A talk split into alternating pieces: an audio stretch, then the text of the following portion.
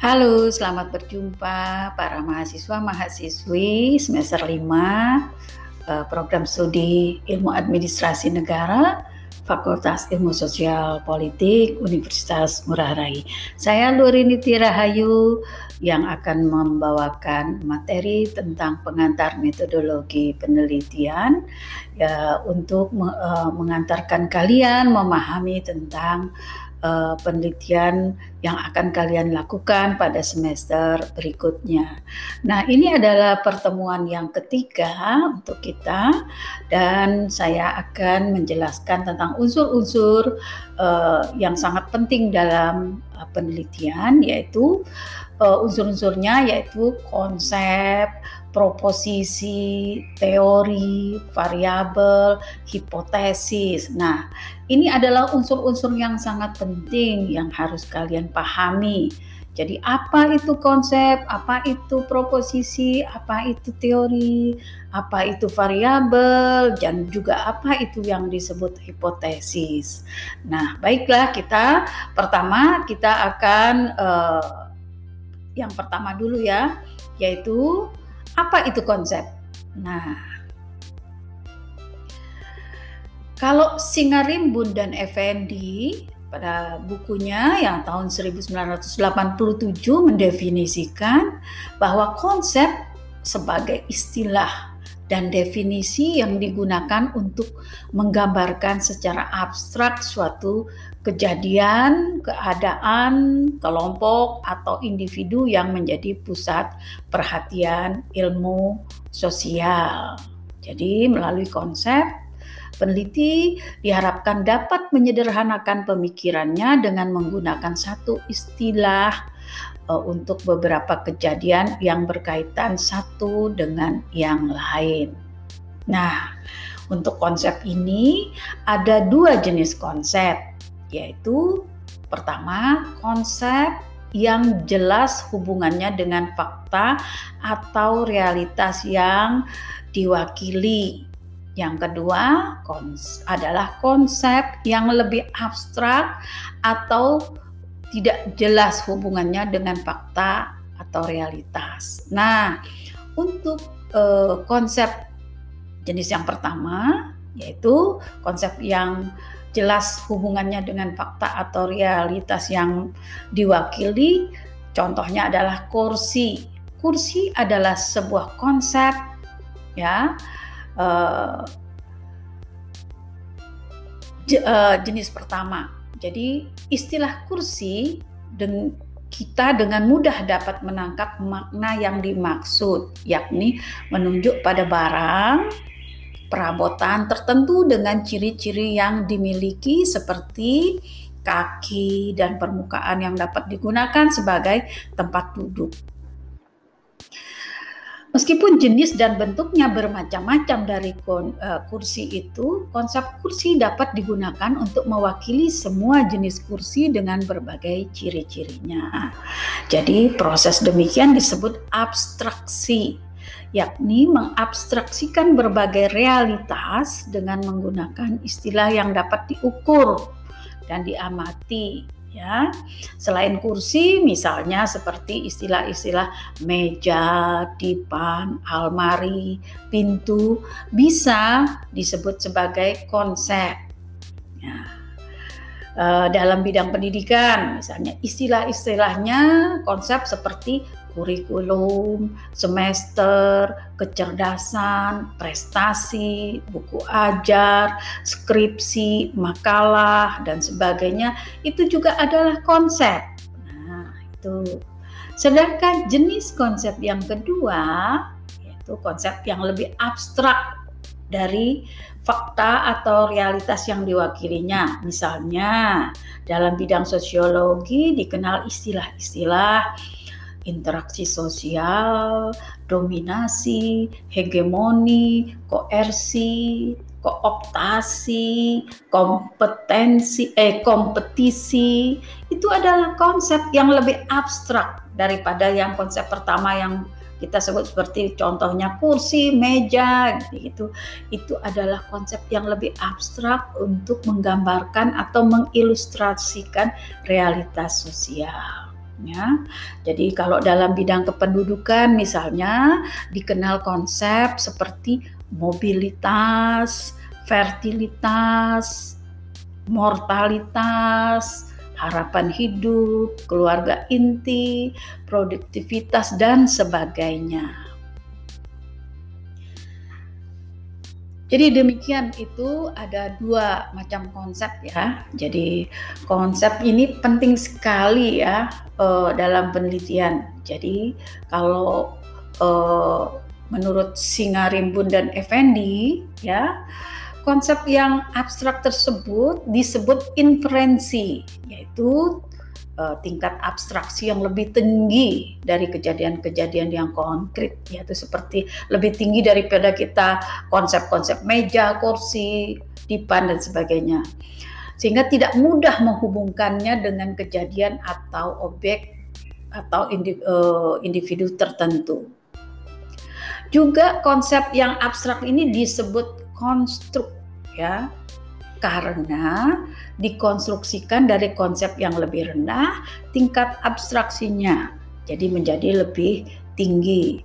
Jadi kalau semakin besar jarak antara konsep atau konstruk ini dengan fakta empirik atau aktivitas yang ingin digambarkannya, maka semakin besar pula kemungkinan terjadinya salah pengertian dan salah penggunaan. Jadi eh, pada prinsipnya kesimpulannya bahwa konsep arti yang lebih luas adalah abstraksi mengenai suatu fenomena atau peristiwa yang dirumuskan atas dasar generalisasi dari sebuah karakteristik kejadian, keadaan, kelompok, atau individu tertentu. Misalnya saja, migrasi adalah sebuah konsep yang dirumuskan atas dasar generalisasi dari perilaku mobilitas tertentu manusia. Perilaku ini berkaitan dengan perpindahan dari satu tempat ke tempat lain pada waktu tertentu untuk tujuan tertentu pula. Jadi tentu saja konsep ini sangat penting ya dalam penelitian karena konsep inilah yang menghubungkan dunia teori dan dunia observasi antara abstraksi dan realitas baik realitas konkret maupun abstrak. Begitu ya eh, para mahasiswa mahasiswi semester 5 semoga ini bisa dapat dipahami ya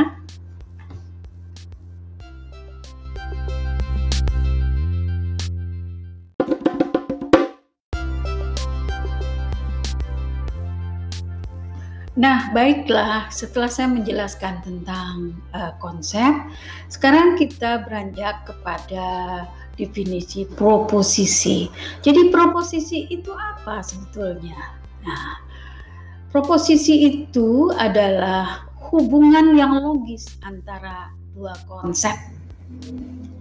Jadi, biasanya proposisi dinyatakan dalam bentuk kalimat pernyataan yang menunjukkan hubungan antara dua konsep. Misalnya uh, dalam studi kependudukan misalnya, proses migrasi tenaga kerja ditentukan oleh perbedaan upah. Nah, di situ kan ada konsep migrasi dan konsep upah. Jadi, dua konsep ini uh, berhubungan secara logis, gitu ya. Kemudian ada lagi karakteristik individu menentukan integrasi sosial seseorang di masyarakat. Nah, itu ada konsep karakteristik individu, kemudian ada konsep uh, integrasi sosial.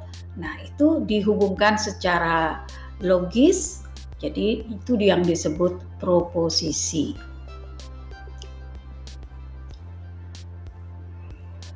E, kalau menurut Singaribun dan Effendi ya pada bukunya pada tahun 1995, coba Anda cari nanti. E, dalam penelitian sosial dikenal ada dua tipe proposisi, yaitu aksioma atau postulat dan teorem. Teorem gitu ya. Aksioma atau postulat ialah proposisi yang kebenarannya tidak dipertanyakan lagi oleh peneliti sehingga tidak perlu lagi diuji dalam penelitian. Misalnya, perilaku manusia selalu terikat dengan norma sosial. Nah, ini benar kan? Perilaku manusia selalu terikat dengan norma sosial. Ini adalah contoh sebuah proposisi ya, dua konsep ya, perilaku dan norma sosial. Itu kan konsepnya ada perilaku dan ada norma sosial yang berhubungan dan eh, hubungannya ini tidak perlu dipertanyakan lagi karena itu dianggap sudah benar. Jadi tidak perlu dipertanyakan lagi. Nah, sedangkan teorem ialah proposisi yang dideduksikan dari aksioma. Contohnya, perilaku seseorang dipengaruhi oleh niatnya untuk melakukan perilaku tersebut. Nah, itu contoh teorem. Jadi itulah proposisi itu adalah uh, hubungan yang logis antara dua konsep ya. Konsep tadi konsep yang baik itu konsep yang uh, berbentuk realita, fakta dan realita maupun yang lebih abstrak. Kan ada konsep tadi dua ya dua macam konsep yang uh, betul-betul mewakili fakta realitas seperti meja kursi, uh, rumah dan sebagainya dan konsep yang lebih abstrak lagi ya yang mewakili sesuatu menjadi lebih abstrak seperti misalnya hegemoni, kurikulum itu ya. Nah, hubungan kedua konsep itu, hubungan yang logis itu disebut proposisi.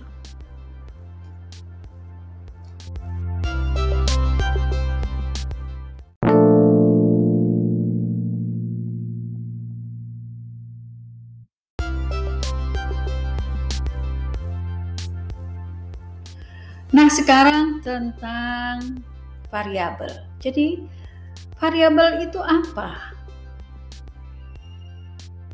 Uh, agar konsep tadi ya dapat diteliti secara empiris, ya, ia harus dapat dirumuskan secara operasional dengan mengubahnya menjadi variabel. Ya. Caranya adalah dengan memilih dimensi tertentu konsep yang memiliki variasi nilai. Misalnya konsep badan. Nah, badan itu kan konsep. Jadi biar di, uh, disederhanakan, biar bisa lebih operasional, dirubahlah menjadi variabel. Variabel yang bisa diukur. Jadi mempunyai variasi nilai. Misalnya tadi konsep badan untuk menjadi variabel yang bisa dapat diukur adalah misalnya tinggi, berat, bentuknya. Nah, itu. Jadi uh, uh, variabel itu adalah uh, variasi daripada konsep yang bisa diukur gitu. Kalau misalnya konsep uh, meja bisa dalam bentuknya jenis, tinggi gitu. Jadi uh, untuk mengoperasionalkan uh, sebuah konsep maka disederhanakan menjadi yang namanya variabel. Jadi demikian uh, para mahasiswa mahasiswi semester 5 uh, mudah-mudahan bisa dipahami. Berikutnya kita akan membahas tentang sebentar tentang apa lagi nih ya?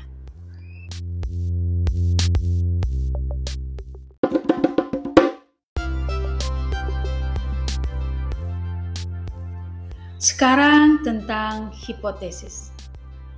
Apakah hipotesis itu? Hipotesis adalah suatu pernyataan yang menghubungkan antara dua variabel atau lebih secara operasional yang siap diuji secara empiris. Jadi kalau menurut Yunus dalam bukunya tahun 2010, Hipotesis, kata hipotesis berasal dari dua kata yaitu hipo dan tesis. Hipo artinya bersifat meragukan, sedangkan tesis berarti kebenaran. Maka hipotesis artinya suatu kebenaran yang masih bersifat meragukan. Kok bisa? Bagaimana mungkin sebuah kebenaran bersifat meragukan? Jadi, kebenaran yang dimaksudkan dapat dibedakan atas dua hal, yaitu kebenaran secara teoritik, penalaran bersifat konseptual, dan kebenaran secara faktual. Misalnya, ini contoh ya, ya hipotesis itu ada pernyataan mengatakan bahwa pekerja yang lebih rajin akan memperoleh pendapatan lebih banyak daripada pekerja yang malas. Ini adalah sebuah hipotesis. Kalau secara teoritik, hal pernyataan tersebut benar bahwa orang yang lebih rajin bekerja akan memperoleh pendapatan yang lebih besar daripada mereka yang malas. Itu teorinya. Tetapi pernyataan tersebut, hipotesis tersebut ya masih perlu diuji. Ya, diuji melalui penelitian yang hasilnya bisa terbukti benar atau salah atau sebaliknya begitu. Itu maksudnya hipotesis dengan kebe, apa namanya kebenaran yang artinya uh, hip, uh, kebenaran yang bersifat masih meragukan. Jadi itu hipotesis.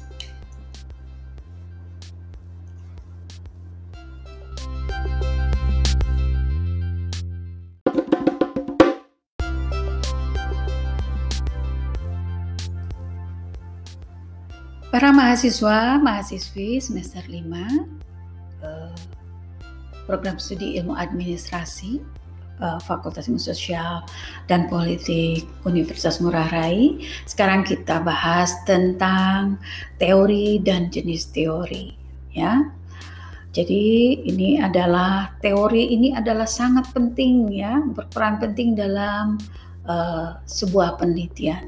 Apa itu teori? Teori ialah serangkaian konsep ya dalam bentuk proposisi yang saling berkaitan bertujuan memberikan gambaran yang sistematis tentang suatu gejala.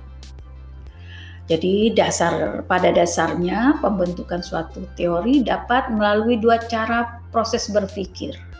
Ya. Dua cara proses berpikir yaitu cara induksi atau deduksi itulah. Apa itu cara berpikir, proses berpikir induksi ya. Induksi merupakan suatu proses berpikir melalui penarikan kesimpulan dari sejumlah gejala khusus. Misalnya, ya, ini contoh nih. Harimau berdaun telinga, berkembang biak dengan melahirkan Kucing berdaun telinga, berkembang biak dengan melahirkan. Sapi berdaun telinga, berkembang biak dengan melahirkan. Nah, kesimpulannya, semua hewan yang berdaun telinga berkembang biak dengan melahirkan. Itu cara proses berpikir dengan induksi ya. Deduksi, cara berpikir, proses berpikir deduksi ya, merupakan suatu proses berpikir melalui penurunan dari kesimpulan atau gejala umum kepada gejala yang lebih khusus ya. Misal ini ya, semua manusia adalah makhluk hidup. Sokrates adalah manusia. Kesimpulannya, Sokrates adalah makhluk hidup.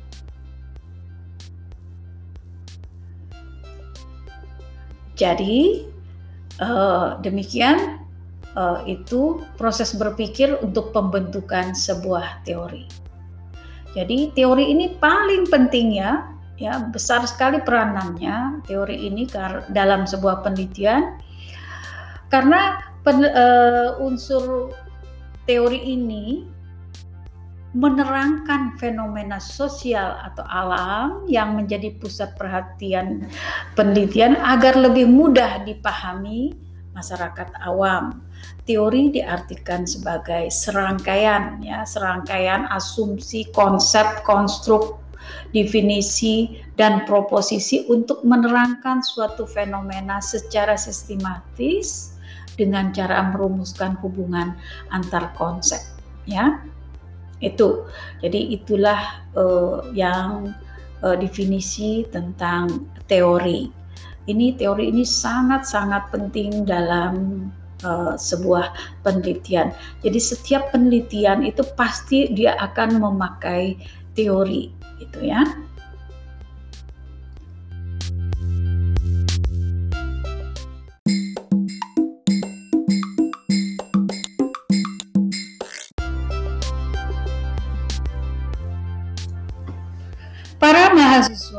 mahasiswi semester 5 program studi ilmu administrasi negara ya. Uh, kita sudah membicarakan tentang uh, apa itu uh, konsep uh, proposisi variabel uh, hipotesis dan teori itu adalah merupakan unsur-unsur yang sangat penting dipahami dalam sebuah penelitian. Tanpa memahami itu, maka eh, kalian tentu tidak akan bisa membuat sebuah penelitian, yaitu proposal penelitian eh, untuk menjadi syarat eh, karya tulis yang berdasarkan penelitian untuk lulus menjadi seorang sarjana. Baiklah, jadi ini adalah pengantar tentang pemahaman uh, dasar daripada uh, pengantar uh, ilmu penelitian. Jadi nanti sedangkan penelitian lebih lanjut akan diberikan nanti pada semester berikutnya. Nah, baiklah uh, untuk materi ini kita uh, akan berjumpa pada materi selanjutnya tentang uh, materi yang sudah kita sepakati dalam RPS mata kuliah pengantar metode penelitian ini dan tentu saja kalau tidak salah kita pada pertemuan berikutnya kita akan uh, membahas tentang jenis penelitian uh, kualitatif dan uh, penelitian kuantitatif. Uh, para mahasiswa mahasiswi, kalian bisa setelah selesai mendengarkan uh, podcast ini, silakan kalian uh, komen dalam rekaman ya. Ada komen di sini Komen apa yang Anda dengarkan? Sekilas saja komennya mungkin dalam setengah atau satu menit. Dan sekalian ini uh, saya catat sebagai absensi kehadiran uh, kalian bahwa telah mengikuti dan mendengar daripada kuliah uh, pada pertemuan kali ini. Dan uh, tidak perlu bahwa kalian akan menulis di Google Classroom cukup absennya direkam di komen uh, suara di aplikasi Anchor. Sampai jumpa pada pertemuan berikutnya. Salam sehat ya, jaga kesehatan, selalu pakai masker, cuci tangan dan jaga jarak.